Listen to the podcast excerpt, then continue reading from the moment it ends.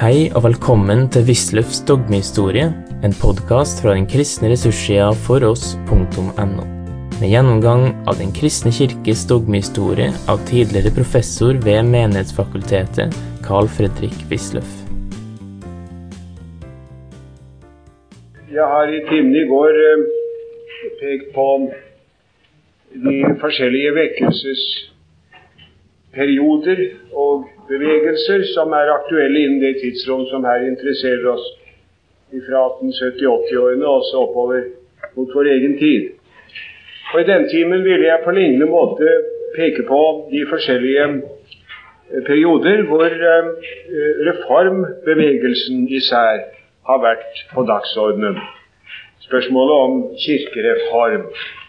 Det er jo, som en vil vite, og som en vil se ved å lese tredje bindet her, et spørsmål som om igjen og om igjen har vært oppe til debatt. Og stadig vekk så eh, avtegner det seg visse eh, karakteristiske holdninger som går igjen fra den ene periode til den andre. La meg da aller først minne om det som er omtalt i Aarflots bok, nemlig at eh, reformbevegelsen kan sies å ha begynt i 1850. Eh, det var naturligvis ikke noen ny tanke, men eh, det er i hvert fall et utgangspunkt. Da var det et initiativ i retning av å få en ordning for Kirken, så den ikke bare skulle være styrt av staten. Bakgrunnen var dels den at dissenterloven av 1845 jo fortalte alle at et kirkesamfunn kunne få sine forhold regulert ved lov her i landet, men ikke Den norske kirke. De hadde fremdeles den samme ordning som på enveldets tid. Eh, vekkelsene som gikk i 1850-årene, gjorde sitt til.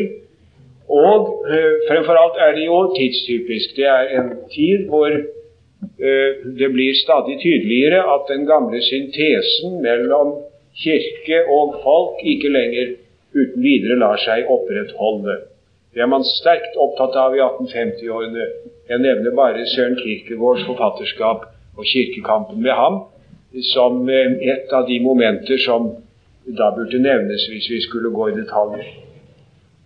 Eh, presset var da veldig sterkt på statsmaktene i 1850-årene i retning av at det måtte gjøres noe. Men der satt som sjef for Kirkedepartementet gamle statsråd hans Riddervold. Og han var ikke til sinns å la seg rokke, han syntes det var en ideell ordning, den som var. Og han satt da på lokket og holdt presset nede så lenge som det var mulighetsråd. Og da det ikke lenger var mulig, så nedsatte han en kommisjon. Og den kommisjonen det ble forholdsvis snart kalt for Forhalingskommisjonen. Det er både sant og ikke sant. Det er ikke sant, for så vidt, som man må nok si at den arbeidet relativt raskt. Hvis man har vært borti offentlige kommisjoner, vil man kunne bedømme det. Men ikke desto mindre var jo hensikten temmelig tydelig. Det var at eh, reformbestrebelsene skulle gå bort i koken. Og da er det så i 1869 Det er et av de første årene vi skal merke oss. Det er 1869. Der fant jeg virkelig en liten hvetekritt. Det er eh, den første, liksom Hva skal jeg si Det første uh, slag som har stått i denne anledning. Da uh, forelå det ifra Eh, Stortinget ett forslag, og fra regjeringen ett forslag.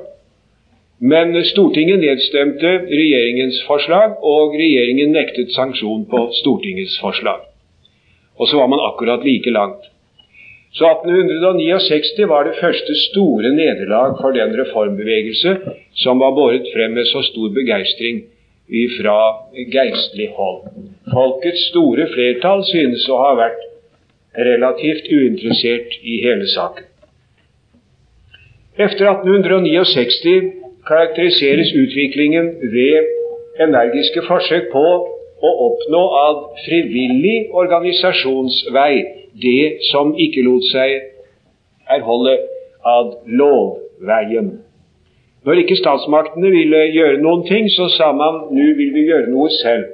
Og så i 1873 kom det første frivillige kirkelige landsmøtet. Meget betydningsfullt, følte man sterkt på den tiden. Og så begynte man da å ha denne lange, lange serie av frivillige kirkelige stiftsmøter og frivillige kirkelige landsmøter hvor viktige emner ble drøftet og beslutninger fattet. Neste ø, etappe er ø, Neste viktige årstall er 1887. 1887. Det, dermed er vi kommet frem til eh, det tidsrom som jeg har behandlet i min bok.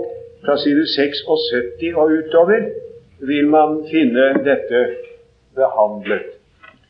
Da var forholdet det at man i 70-årene hadde hatt en meget livlig debatt om spørsmål som hadde med Kirkens ordning å gjøre.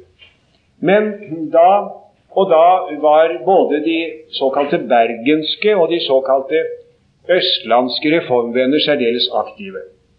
De østlandske reformvenner det var stort sett Gisle Jonssons folk. De ville ha kirkelige reformer ut fra en ganske sterk bevissthet om at Kirken dog var noe annet enn en statsinstitusjon. De var eh, kirkelige, og de var konfesjonelt bevisste, og de var preget av Jonssons dype syn på kristendommen som en personlig sak, og krevde derfor det som man har kalt for kirkelige garantier. Det er slagord som går igjen eh, i mange år. Kirkelige garantier for den, nemlig for den stemmerett som man måtte ha. Skulle Kirken styre seg selv, så ville de jo si at dens lemmer skulle styre den, men hvem er Kirkens lemmer? Det var det vanskelige spørsmålet. Og de østlandske reformvenner sa at kun de som går til alters, og dermed viser at de er Kirkens aktive tropper, og som samtidig vil undertegne en skriftlig erklæring om at de har Kirkens tro og vil forsvare den, kun de vil kunne få stemmerett. Det var de østlandske reformvenner. De vestlandske reformvenner de var ledet av menn som Jakob Sverdrup og av Ole Holk og Ole Irgens, Eh, og eh, eh, disse var stort sett mer demokratiske i sin, i sin betraktning. De eh, var venstremenn i, i politikken for det meste. Østlendingene var nå for det meste høyrefolk. Og eh, mens altså østlendingene ville ha eh, garantier, kirkelige garantier, så var eh, vestlendingene, som de sa, ikke særlig innstillet på det. Man fikk ha tro på folket, mente de. Så de stemmerettsregler de tenkte seg, var ikke særlig stramme. Det var, eh, det var, det var vestlendingenes, eh, vestlendingenes syn. Og så gikk det da slik at det var en gruppe som overhodet ikke ville ha noen reformer, og det var den høykirkelige gruppen med Høk og, og uh, F.W. Bugge. Uh, de de syntes alt var i orden best som det var. For de var konservative inn i, til margen i sine ben, både konfesjonelt, kristelig og politisk. Og ville ikke ha noen forandring i det hele tatt. Når vi har sånn god regjering og så pålidelige folk i Kirkedepartementet, så eh, er de mye mer i stand til å styre Kirken enn en demokratisk sak. For, sa Høek, at uh, en, uh, den alminnelige stemmerett er noe så kaotisk at det må være ordenens gud imot, sa Det kan ikke være noen rimelighet med det. Så da heller ingen enn ukirkelige lover om Kirkens forfatning. Og Han pekte advarende på Tyskland og med god rett, hvor man jo hadde fått disse herrelovene, og hvor man da hadde kirkelige synoder som i virkeligheten styrte høyst ukirkelig, fordi de ikke hadde noen begreper om hva den kristne tro er etter skrift og bekjennelse. Så det var ikke uten grunn at han pekte på det. Men så kommer forfatningskampen i 83 og 84, og så kommer parlamentarismens innførelse, lang historie, vi kan komme litt tilbake til det siden. Og så kommer Johan Sverdrup. Etter aprilministeriets fall så sitter plutselig Johan Sverdrup der, og vanviddets dage er kommet, som det ble sagt. Det var han selv som hadde sagt det, formodentlig et utbrudd av forundring og betatthet da han ble spurt fra kongen om han ville bli statsminister. Sannelig vanviddets dage er kommet, sa. Og det, det uttrykket fikk ben å gå på, og det ga Høk en overskrift i luthersk ugeskrift, og der sparte han ikke på konfekten. Så da var med andre ord situasjonen blitt den at man hadde ikke lenger noen god regjering å stole på, solid høyreregjering og ypperlige høyrefolk i departementet. Men man hadde en venstreregjering. Og hvem var nå blitt kirkestatsråd? Jo, det var Jakob Sverdrup. Den lille sortgule intrigant, som han ble kalt. En mann hvis dyktighet alle var enige om, men som var så forhatt av mange at det er ganske uhyggelig. Han var blitt kirkestatsråd, og da kunne man jo ikke stole på det mer. Dermed kastet Høeg seg nå inn i kampen for å få en kirkelig forfatning allikevel. Og i denne kamp, sa Høeg, kan vi stole på Høyre. Og det trodde han, for han hadde selv vært med å stifte Høyrepartiet. Begge, begge partiene er jo Altså Grupperingene er jo eldre, men, men partiene som organisasjoner er jo etter 1883, begge de både høyre og venstre, som vi kanskje vet. Og så kommer det forskjellige eh, framlegg da til, eh, til eh, en kirkeordning. Jeg har nevnt dette her på side 76 og følgende utover. Eh, viktig er her at eh, da saken kom opp i 87, de vil lese her om på side 79 øverst, i Stortinget, så var det tre forslag som forelå. Det ene var regjeringen.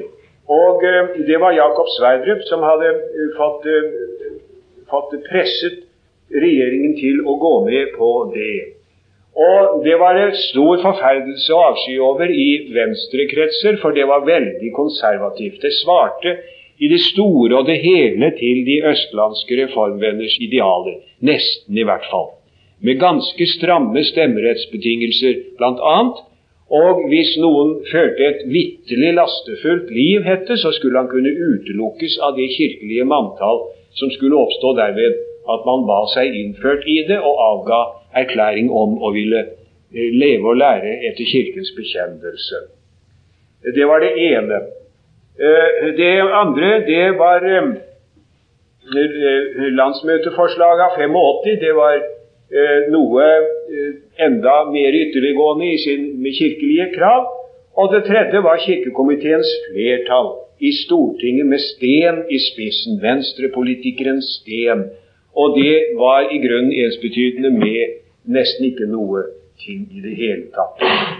Dette debatterte de i ti dager i Stortinget. Det er visstnok den lengste debatt i forrige hundreår. Det har vært påstått i hvert fall. Jeg har ikke kontrollert det. Men jeg har lest debatten, og det var eh, tok lang tid, det. Eh, det er nemlig fra jeg har skrevet det 15. til 25. juni debatterte de fra morgen til kveld ingen annen sak enn en kirkedebatten. Det springende punkt her er hvorvidt man kan si at Den norske kirke i teologisk forstand virkelig er en kirke. Den betraktning lå under eh, eh regjeringens eh, forslag. Det lå i særdeleshet under det kirkelige forslag fra 85 som var fremsatt av to stortingsmenn, men det ble motsagt i forsamlingen av bl.a. Viggo Ullmann, venstremannen. Uh, man taler om statskirkens menigheter som om de er sanne menigheter, sa Ullmann. Men en kristen menighet er ifølge bekjennelsen brakt sammen av Den hellige ånd. Kan man da si at Trefoldighets menighet i Kristiania er brakt sammen av Guds hellige ånd, mon ikke heller av Kristiania kommunebestyrelse? Det syns de andre var stygt sagt, men det valgte flertall i Stortinget. Og ved votering så viste det seg at alle forslag ble felt.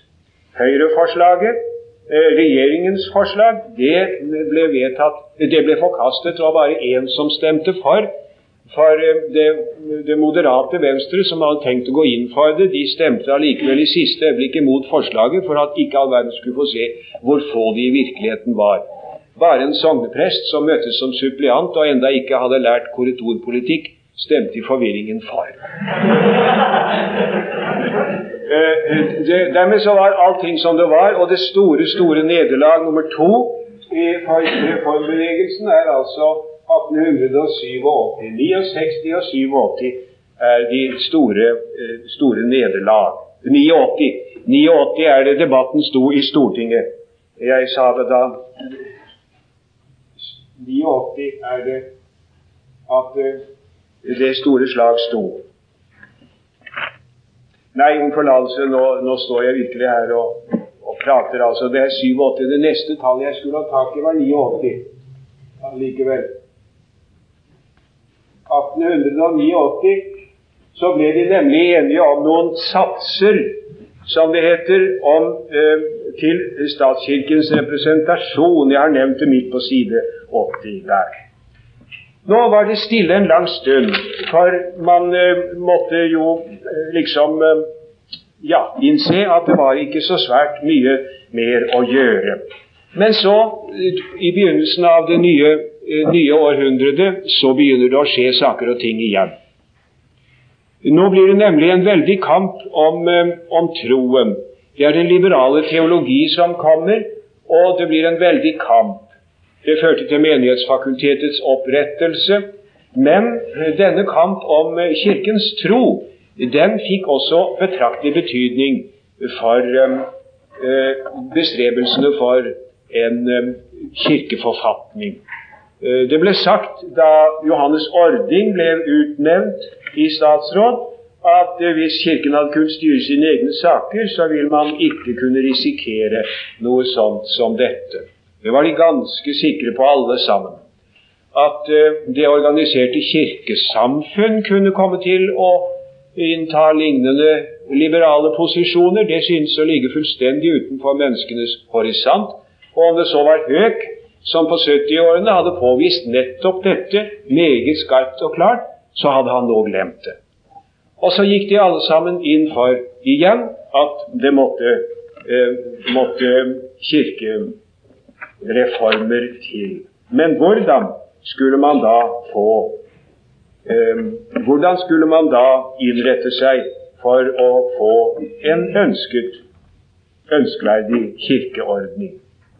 Ja, der mener jeg det gjelder å bli klar over disse forskjellige eh, posisjoner som man inntok. Hvis du vil se her i boken, så er det eh, antydet Eh, på side 173 og utover. Det viste seg nemlig at det var eh, minst tre forskjellige grunnsyn, og det er veldig viktig å få tak i disse grunnsyn. Eh, de vil finne side 174 utover det. For det første så var det stadig mange som mente det nytter ikke å lappe på denne statskirken. Vi må få en frikirke.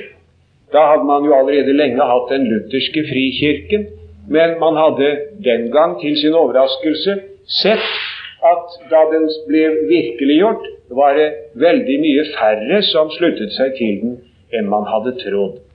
Men frikirkeidealene var ikke døde, og især på Vestlandet var det veldig mange som holdt seg til dem. Vestlandske Indremisjonsforbund sluttet seg prinsipielt til frikirketanken på et møte i Ålesund i 1906. Det varte til begynnelsen av 20-årene. Så var i grunnen den tanken omme for vestlandskes del. Eh, men så, eh, Og så var det jo stadig da dem som ville ha kirkelige reformer, nederst 173 her. Eh, kirkelige reformer. Innen, innen statskirkens ramme, altså uten at man brøt med staten, så måtte det kunne gå an, mente man, å få noen lover som sikret Kirkens selvstyre. Altså Det var to ting. Frikirke og mer eller mindre selvstyrt statskirke som nummer to. Men så, i 1906, så kom eh, professor doktor juris Absalon Taranger med noen ideer som i en ti-tolv år var midt i debatten. Taranger er i disse årene en ledende mann. Han møter navnet hans alle vegne. Han er midt i kampen. Han har motstand, og han har tilslutning. Og i noen år hadde Absalon Taranger faktisk veldig sterk, bred oppslutning fra geistligheten, ikke minst, men også fra en del kirkelig interesserte lekfolk. Hva var det da Taranger hevdet som sin oppfatning? Jo, det var den frie folkekirke. Eh, I den betegnelsen ligger for det første at dette skulle være en folkekirke. Han var ikke frikirkelig. Frikirken har et voluntaristisk prinsipp i grunnen. Der er det slik at kun de er nadværberettigede medlemmer som har eh, bedt om å bli opptatt som sådanne i Kirken.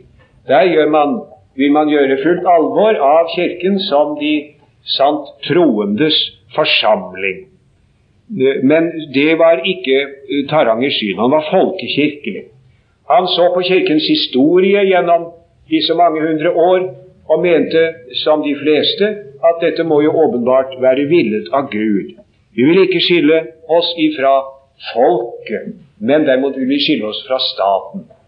Så den frie folkekirke vil si en folkekirke som er helt fri og selvstyrt i forhold til staten, men som altså omfatter eh, folkets eh, flertall, i det minste eh, ja, det gikk man i det minste ut fra at uh, de aller fleste ville forblive i en sådan fri folkekirke.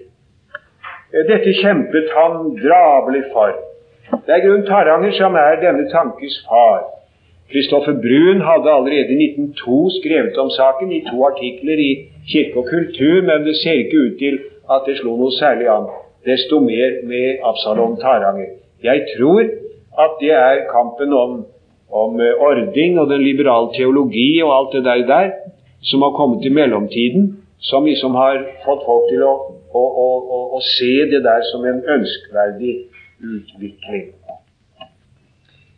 Eh, nå, eh, det, er altså tre, tre grunnsyn. Var da alle smaksretninger representert når de tre retninger der er nevnt? Nei, de var nok ikke det. For det første må vi være klar over at folkets brede lag, det store flertall, aldri har interessert seg nevneverdig for kirkelige reformspørsmål.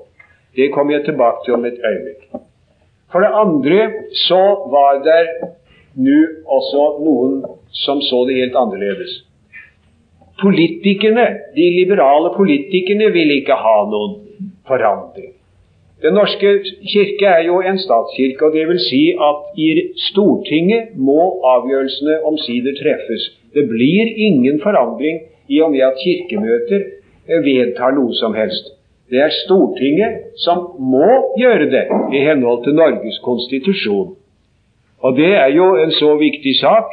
Det står jo i Grunnloven. Så det eh, skulle man jo aldri noensinne glemme. Og dog har kirkemøter under tiden vært tilbøyelig til halvveis å glemme det. Kirkemøter har en karakteristisk tilbøyelighet til å tenke og føle at den stemning som er sterk nettopp der og da, også deles i vide kretser av folk rundt i forsamlingene. Det er meget ofte slett ikke tilfellet. Slett ikke tilfellet. Politikerne de var lite sjarmert både i 1887 og senere ved tanken på å få en selvstyrt statskirke. De var veldig lite sjarmert ved at noen skulle snuse i deres privatliv, det ga de sterkt nok uttrykk for, og at et menighetsråd da lokalt skulle kunne avgjøre om de førte et vitterlig lastefullt liv. De følte seg ikke sjarmert ved utsikten. De ville ikke ha noen sånn maktgruppering. Og eh, det er, eh, det i Norge er det Stortinget som har makten, sa de. Dessuten var det også blant de bekjennende kristne noen som slett ikke var interessert. Det var for det første grundtvigianerne. Det ser vi sterkest på 1800-tallet, da disse jo var flest. Mange ble grundtvagianerne aldri i Norge, men de har spilt en viss rolle. Og de ville ingen reformer ha. Nei, nei, nei. For det første av, av, av, av faktisk teoretiske grunner, ut fra Grundtvigs kirkesyn. Grundtvig sa jo at Kirken, den organiserte kirke, er en borgerlig innretning. Den sanne kirke er en himmelsk gjest, sa Grundtvig. Borgerlig innretning, himmelsk gjest, det er Grundtvigs syn på den ting som han la frem i begynnelsen av 1830-årene i sin store avhandling om den danske statskirke. Der hevdet han at det er bare bra at staten styrer med alle de ytre ting, og at den skaffer full frihet. For da trodde han da vil de gammeltroende få makten. Det trodde han, trodde han da. Og eh, full frihet, og uh, de, de, de, kirkelige myndigheter skal ingen politisk makt ha. Staten skal uh, binde hendene på biskoper og prester. Derimot så skal de ikke binde munnen på dem, sier Grundtvig. De skal få lov til å klage over at det går til helvete med hele Danmark hvis ikke de omvender seg, og at staten egentlig burde brenne kjetterne. Gjerne si det, sa, sa, sa, sa Grundtvig, men, men, de må ikke få lov til å gjøre noen noe. Staten skal binde hendene på geistligheten, men ikke binde munnen. Frihet. Frihet skal være vårt løsen i nord, frihet for Låke så vel som for Tor. Det var deres syn. Den organiserte side av Kirken er en borgerlig innretning. Den sanne menighet bor i denne som en fremmed gjest. Det var teoretiske. Og dertil kom de praktiske overveielser, for disse menneskene hadde jo opplevd hvorledes det var å være minoritet i en kirke som andre styrer. Det var jo Jonsson-teologene som styrte Kirken, faktisk. Og stakkars grundtvigianere, de ble trakassert ved det. Grønne bord er ingen tvil om, det er helt bevist. Og Lars Dales eh, eh, brosjyre om eksamensuværet, en meget dyktig apologi for Det teologiske fakultet, kan ikke, mener jeg, skjule det faktum at Gisle Jonsson og hans folk var temmelig fæl, altså, med grundtvigianske kandidater. De fikk alle de ekleste spørsmål og ble fortrinnsvis spurt om om gudsbildet, så de kunne knipe dem. Og dertil så uh, fikk de dårlige karakterer. Og så ble de hindret i å avansere. Det er helt på det rene. Det er, uh, det er, er påvist av dem som har undersøkt uh, disse ting. Skrondal, to bøker om grundtvigianismen. Vi må med beklagelse fastholde, eller fastslå, at dette er tilfellet. Og hvis vi da på toppen av det hele skal få en Synodal forfatning, hvordan går det da? sa de. Det er ille nok med et departement, men der sitter jo dog noen jurister som til syvende og sist kan skaffe oss noen grad av rettsbeskyttelse. Men hjelpe oss hvis det blir en synode hvor jonsonianerne har makten. Da har vi ingen rett overhodet. Så frihet for Kirken, frihet for den kirkelige synode, sa de. Hva vil det si? Det vil si frihet for et kirkelig flertall til å undertrykke og trakassere en teologisk kirkelig minoritet, sa de, hvilket naturligvis i og for seg er så sant som det noen tid er sagt. Men så kommer der ifra 1906 en gruppe som tenker strukturelt akkurat på samme måten som grundtvigianerne, men som for øvrig var nokså forskjellig fra dem. Og det var Ludvig Hope, og hans folk. Ludvig Hopes kirkesyn ligner i strukturen Grundtvigs til forveksling. Eh, det er stor forskjell på dem både i kultursyn, i kristendomsoppfatning Hope var jo pietist, det var grundtvigianerne ikke. Og eh, ellers i mange, mange ting. De eh, hadde ikke mer med hverandre å gjøre enn høyst nødvendig heller. Men i strukturen, sier jeg, er deres kirkesyn på mange måter ganske parallell. Eh, I 1906 var det Hope holdt sitt foredrag om nattværsspørsmålet. Da sa han det. Eh, brødre, sa han, spill ikke eders tid på å reformere statskirken. Den tåler det ikke. Den går i stykker. Statskirken er i seg selv en utmerket innretning. Den sørger for kristendomsundervisning. Den betjener hele folket med Guds ord. Men da den jo omfatter hele folket, og ikke spør efter personlig trosoverbevisning, så kan man ikke si om Den norske kirke som sådan at den er identisk med den, den kirke som er Jesu Kristi legeme. Det de troende derfor skulle gjøre, var å organisere seg og ta ut sine rettigheter innen Kirkens ramme. Hope ser altså den himmelske gjest, den sanne menighet. Han bruker aldri det uttrykk, men det er Grundtvigs. Han ser dette i venneflokken. Grundtvig ser den himmelske gjest i Kirken om dåp og nattvær. Sakramentene spiller jo umåtelig rolle i Grundtvigs, eh, Grundtvigs kirkesyn. Det blir gjerne sagt at uh, Hope lærte sin uh, kristendomsoppfatning etter at han hadde vært en tur i Amerika. Han har på en måte skyld i den misforståelsen selv, for det er en misforståelse han forteller i boken 'Kirka og Guds folk', som kom i 1923, var det vel. Uh, det er skrevet sånn halvveis i romanform. Og hovedpersonen der han har vært i Amerika og sier 'reis til Amerika og bli vis'. Hvordan er det nemlig i Amerika? Jo, der er det altså slik at uh, der omfatter menigheten alle som vil være med. De vil ikke ha vekkelse engang, for da splittes, splittes menigheten. Og uh, det er på ingen måte noe ideell, ideell tilstand. Og utenfor den organiserte kirke er det nærmest hedenskap. Fullt hedenskap. Nei, vi får være glad så lenge vi har statskirken, men la, være, la den være fri, så vi får innrette oss som vi vil. Det, det er imidlertid på det rene at hans syn forelå fullt utformet lenge før den amerikaturen. Hopes syn på disse ting er lagt frem i flere, flere skrifter. Nå er det forskjellige ting som vi vil se her. Det, det var dette med fri nattvær, at det skulle være lov. Og eh, så var det konfirmasjonsordningen. Konfirmasjonen Jeg har behandlet det litt her på side 185. Det med konfirmasjonen er, er tidstypisk. De har lest Kiellands gift, naturligvis, og kjenner eh, debatten i den tid om konfirmasjonen. Den er jo på ingen måte slutt enda, den, den debatten. Eh, det er den slett ikke. Men dette at på en og samme søndag alle 15-åringer eh, skulle avlegge ed på at de ville være kristne, det ble etter hvert noe for stivt for en mer reflektert tidsalder. Så det kunne man ikke lenger gå med på, syntes man.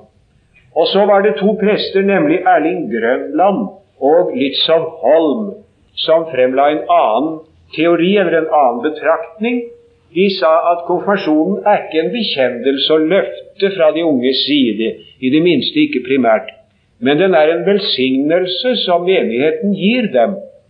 Det er bakgrunnen for den såkalte nye konfirmasjonsordningen som nå er brukt de fleste steder i vår kirke.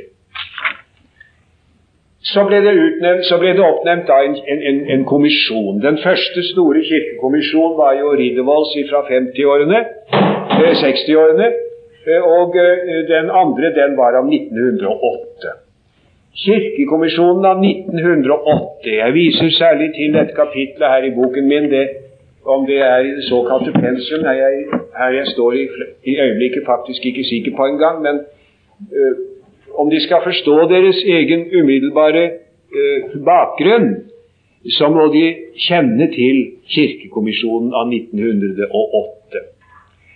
Eh, det, det var en, her er alle innstillingene bundet i én bok. Det skal jeg hilse og si er drabelig. Og den kastet ikke bort mye tid. Det var gjort alt sammen på vel tre år.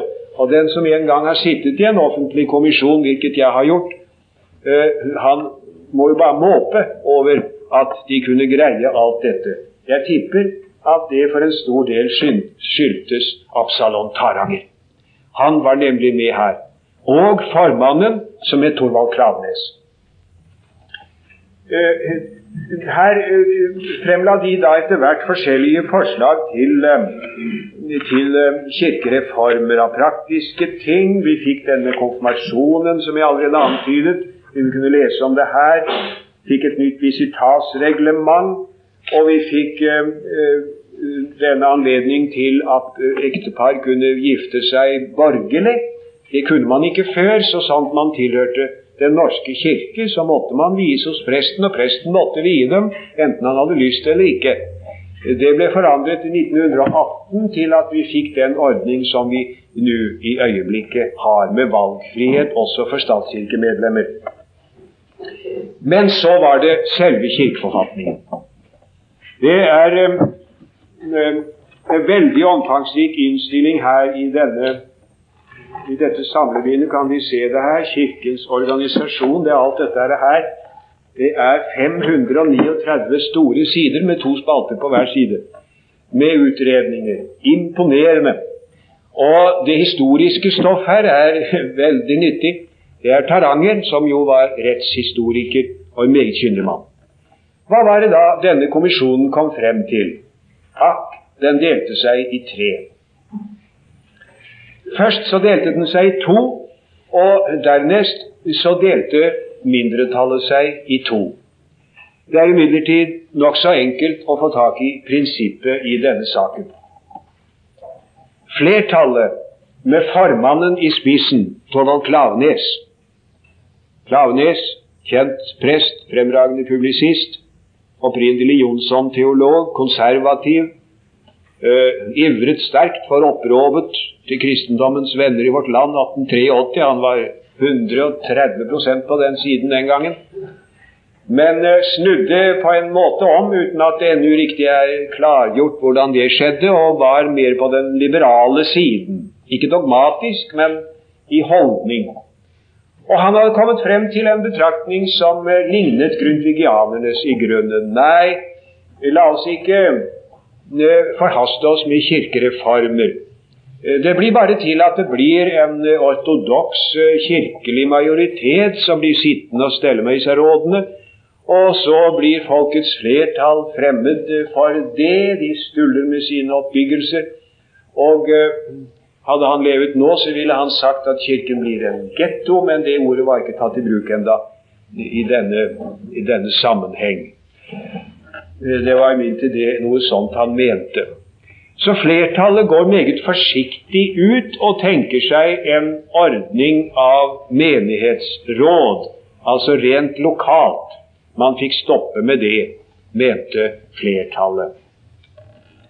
Mindretallet, det var tre stykker. Det var Taranger, og så var det Bernt Støylen, som den gang var eh, hovedlærer. Den gang han, var, han hadde tittel av professor, den eneste eh, praktikumsrektor som har hatt den tittelen, men han hadde den.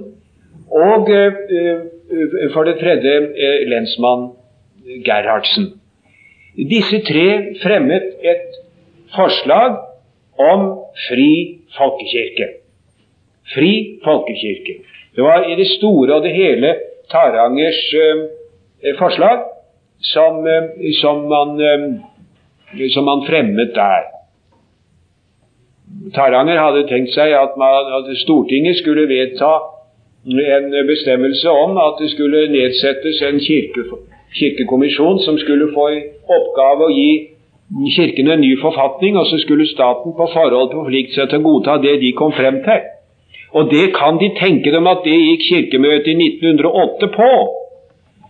Det skal vel til tidenes ende stå som et eksempel på hvordan en offentlig forsamling kan paralysere seg selv. Altså med andre ord, Storting og regjering skulle på forhånd binde seg til å ratifisere det som en kirkelig kommisjon kom fram til. Med andre ord, en kirkelig kommisjon skulle få makt til å forandre rikets statsforfatning. Det så de jo da imidlertid, da den kirkekommisjonen av 1908 hadde snakket litt om det, at det gikk ikke. Så det gikk de fra. Men idealet som de utformet i et lovframlegg, det var det samme. Fri folkekirke. Så langt to standpunkter, og fri folkekirke er mindretallet. Så delte mindretallet seg i to. Støylen og Gerhardsen innså at det nyttet ikke dette her, det er ikke, det er ikke realistisk. Vi får ikke det.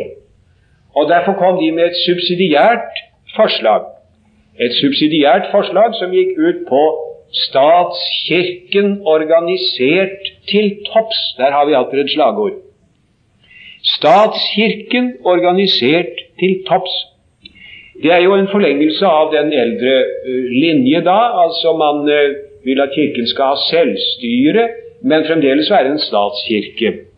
Skal ha selvstyre, men fremdeles være en statskirke. Det var mindretallets subsidiære forslag, men da sa de på betingelse av at den ble organisert til topps. Ikke bare for menighetene lokalt, sånn som flertallet tenkte seg, men de skulle ha for bispedømmet og for hele folkekirken, eh, for hele folkekirken et kirkeråd på toppen, osv. osv.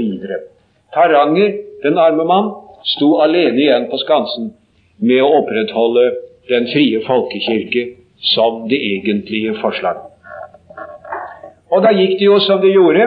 Eh, etter hvert kjølnet interessen for den frie folkekirke. Det er tragisk å følge Taranger. Han må vel få sin biograf en gang.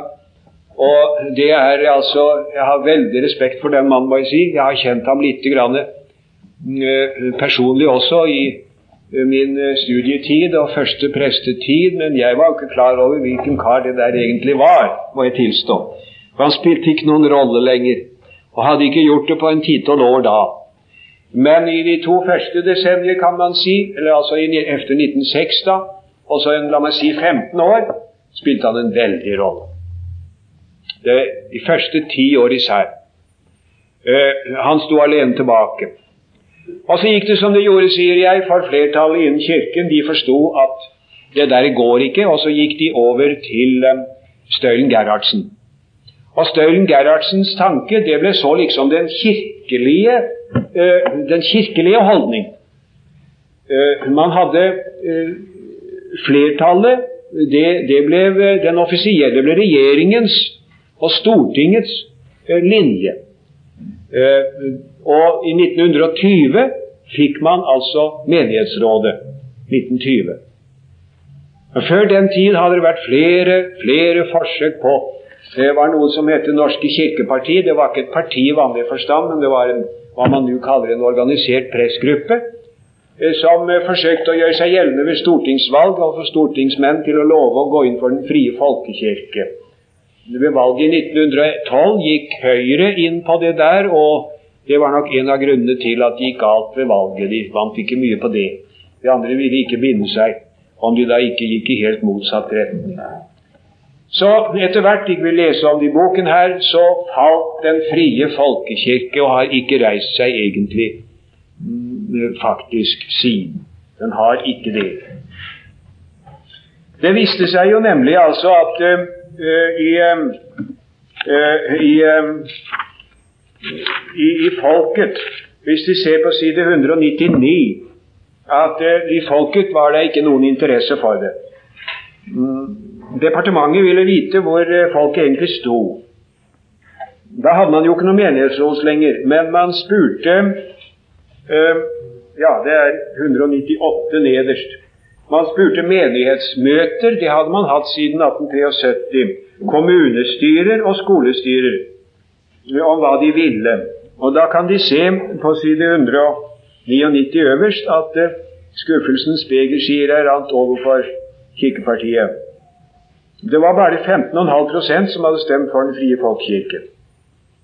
Og Kirkekommisjonens flertall fikk 53,5% og den topporganiserte statskirke 17,5 Mot enhver forandring stemte 13,5% Og ingen verdens ting å gjøre med, sånn at statsmaktene kunne ganske rolig legge det hele ad acta, hvilket de selvfølgelig også gjorde. Folket ville ikke ha det, var ikke interessert, og den sterke stemning på kirkemøtet viste seg å være uten dekning i folkets brede lag, endog i, i, på menighetsmøter.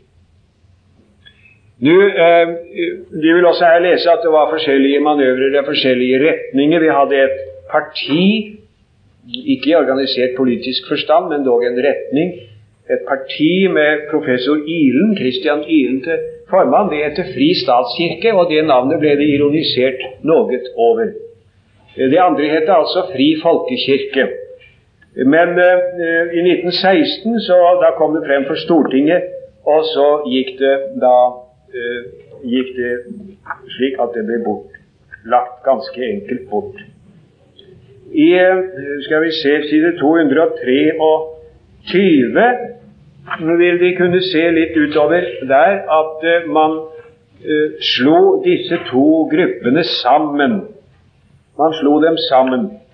Uh, og de skulle heller arbeide for det frivillige, frivillige menighetsarbeidet, disse to. For han var jo klar over det at fri folkekirke og fri statskirke det var jo til syvende og sist i praksis ikke mulig å opprettholde noen særlig forskjell der. De fikk, se, de fikk ta det de kunne få, ble de klar over. Eh, og eh, i skal vi se side 241 nederst eh, så vil vi se at i 1921 så dannet man Norges kirkelige landslag med professor Carl Wold som formann. Det var de to reformpartiene, Fri folkekirke og Fri statskirke, som gikk sammen. Eh, nå var den gylne tid omme for disse bevegelsene. På 20-årene var også enkelte fremstøt, men førte ikke til noe som helst.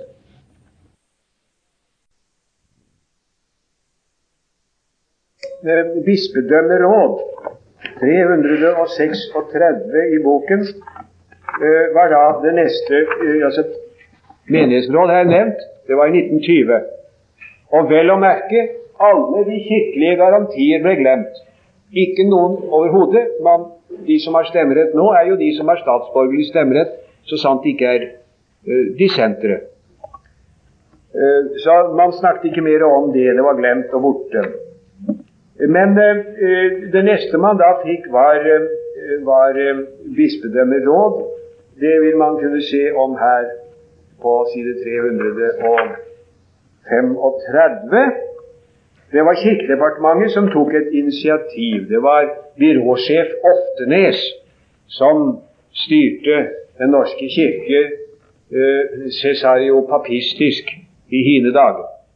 Han var stadig klattende på Berggrav, som hevdet Kirkens eh, egenart noe mer, og Oftenes, som var i sitt ærlige, gode hjerte aldeles overbevist om at det kunne ikke skje oss noe som helst bedre enn at Kirkedepartementet styrte med alt sammen. Han fulgte trofast ansiennitetsprinsippet. Man skal følge ansiennitetsprinsippet ved embetsutnevnelser, sa Oftenes. Det skal vise seg at det er det beste. For han ville ikke ha noen forandring, egentlig. Og så fikk han da laget loven eh, om bispedømmeråd, som jo var eh, langt mindre vidtgående enn det man hadde drømt om i reformbevegelsen. Den egentlige betydning av bispedømmerådet er vel snarest i hvert fall det kan vel kanskje være i ferd med å forandre seg. Men den første avgjørende betydning var jo det at de fikk nominasjonsrett ved bispevalg. Det har hatt en del skandaløse tilfeller på forhånd, især i Bergen året før, 1931. Eh, da var eh, jo altså menighetsrådene kommet inn i bildet og skulle uttale seg. Eh, rådgivende avstemning, det kalte man da ganske snart for bispevalg, og forlangte respekt for menighetsrådenes uttalelse. Den historien har stadig flere og flere vers, den, som vi vil ha lagt merke til. Statsmakten har jo aldri drømt om å gi menighetsrådene noen reell makt. Det har de ikke gjort. Eh, departementet følger innstillingen i de fleste tilfeller da det ikke har noen særlig betydning, men eh, avviker den meget raskt dersom det kan ha noen mer vidtgående betydning. Det er jo også en vise med mange vers da. Så fikk man altså i 33 bispedømmerådet. Eh, I 30-årene hørte man ikke mye om reformtanker, men etter en annen verdenskrig var det desto mer av det. Under krigen våknet jo en sterk kirkelig selvfølelse. Side 495 vil de kunne lese om bakgrunnen for lov om Den norske kirkes ordning, som man fikk i 1953. Så det blir da det neste virkelig alvorlig fremstøt, og den gang gikk det altså da med eh, lov om Norsk kirkes ordning. Man fikk jo ikke da på noen måte hva man ønsket da heller. De vi kunne lese i boken om de forskjellige tanker som var fremme, og ønskemål som ble ytret. Berggrav gikk ganske langt. Berggravs eh, idé egentlig, var egentlig at biskopene skulle ha stor betydning, og at man skulle ha et lite råd som skulle styre. Det var tydelig inspirert av hans erfaringer under krigen, hvor det jo var slik. Han forestilte seg åpenbart at det var så god en ordning at det skulle kunne fortsette. Det var jo da eh, en tanke hvor han ikke hadde tatt tilstrekkelig hensyn til den menneskelige natur blant meget annet, som han hadde latt ut av betraktning. For naturligvis går ikke det. Det er klart.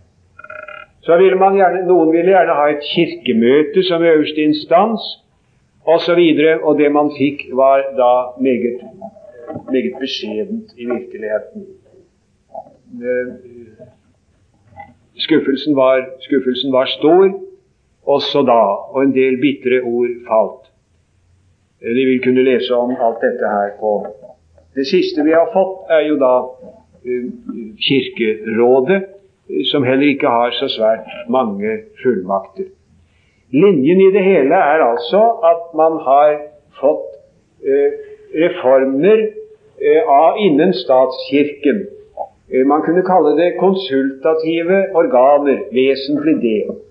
De har egentlig ikke særlig innflytelse, eh, embetsutnevnelse overhodet ikke, eh, og eh, lovgivning heller ikke. Det er autorisasjon av altebok og salmebok ligger fremdeles i henhold til Grunnloven eh, bestemmelse hos kongen. Så det er eh, realiter ikke særlig stor forandring som er skjedd i så måte. Og når nå debatten er reist igjen og pågår av og til om disse ting Vi har jo to kommisjoner nå, en frivillig og en offentlig, og vi er alle spent på hva det blir til. Men når debatten er der, så møter vi merkverdig nok ennå stadig de samme grupperinger. Kanskje det ikke er så merkverdig. Man møter en gruppering, eh, en sentrumsgruppering på en måte, av eh, konfesjonelt bevisste kirkelige folk, prester og legfolk, som vil gå så langt som de syns det er mulig i retning av kirkelig selvstyre. Den frie folkekirke er ikke aktuell politikk i ethvert fall, selv om det vel ennå er dem som har det som et ideal. Men å få fullmakter innen Kirkens ramme, så langt som man syns det går, er da en sentrumsgruppering åpenbart ennå stadig sterkt interessert i. Ved siden av denne har vi i prinsippet de samme grupperinger som jeg påviste i 1880-årene, 87, som bidro til nederlaget. Vi har de liberale politikere, som eh, liberal da i alminnelig åndshistorisk forstand, og det vil da altså si praktisk talt alle stortingsmenn, skulle jeg tro. Eh, de er, eh, innen alle partier i hvert fall, sterkt eh, bestemt av ønsket om at det skal ikke oppstå noen maktgruppering ved siden av Stortinget. Det skal, vil de ikke ha. Og innen kristenheten, innen Kirken om de vil, så er det stadig dem som har motforestillinger som kan svare nokså nøye dels til det som grundtvigianerne hevdet, og dels til det som Hope hevdet. Det er i struktur nokså likt den dag i dag, dette. Og det resonnement som føres frem, er mye det samme. Det var og hørt Alt sammen ble også sagt i i, under debatten i Stortinget i 1920, der er det veldig tydelig. Det er ikke så tydelig i 1953. For da hørte man liksom ikke noe til det radikale legfolket, da, noe særlig. De hadde De blundet omkring hine tider. Jeg vognet siden, men blundet da. Men i 1920 eh, kom de til orde ved en stortingsmann som heter Belland, Nils Belland. Eh, han Eh, hevdet nettopp dette at uh, han ville helst ha statskirka om lag som vi har henne nå, sa han. Det var det beste. Og det fikk han støtte av av uh, stortingsmenn som f.eks.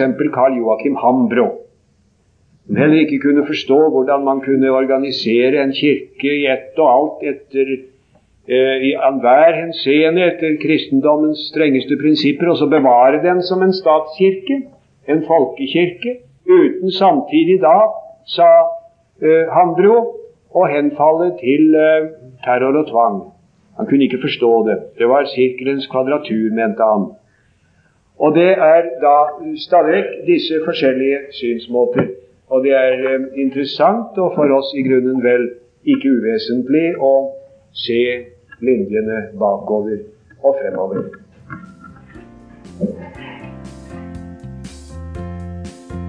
Du har nå hørt Wisløffs dogmehistorie. Finn flere ressurser og vær gjerne med å støtte oss på foross.no. Følg også gjerne noen av våre andre podkaster, f.eks. Table Talks.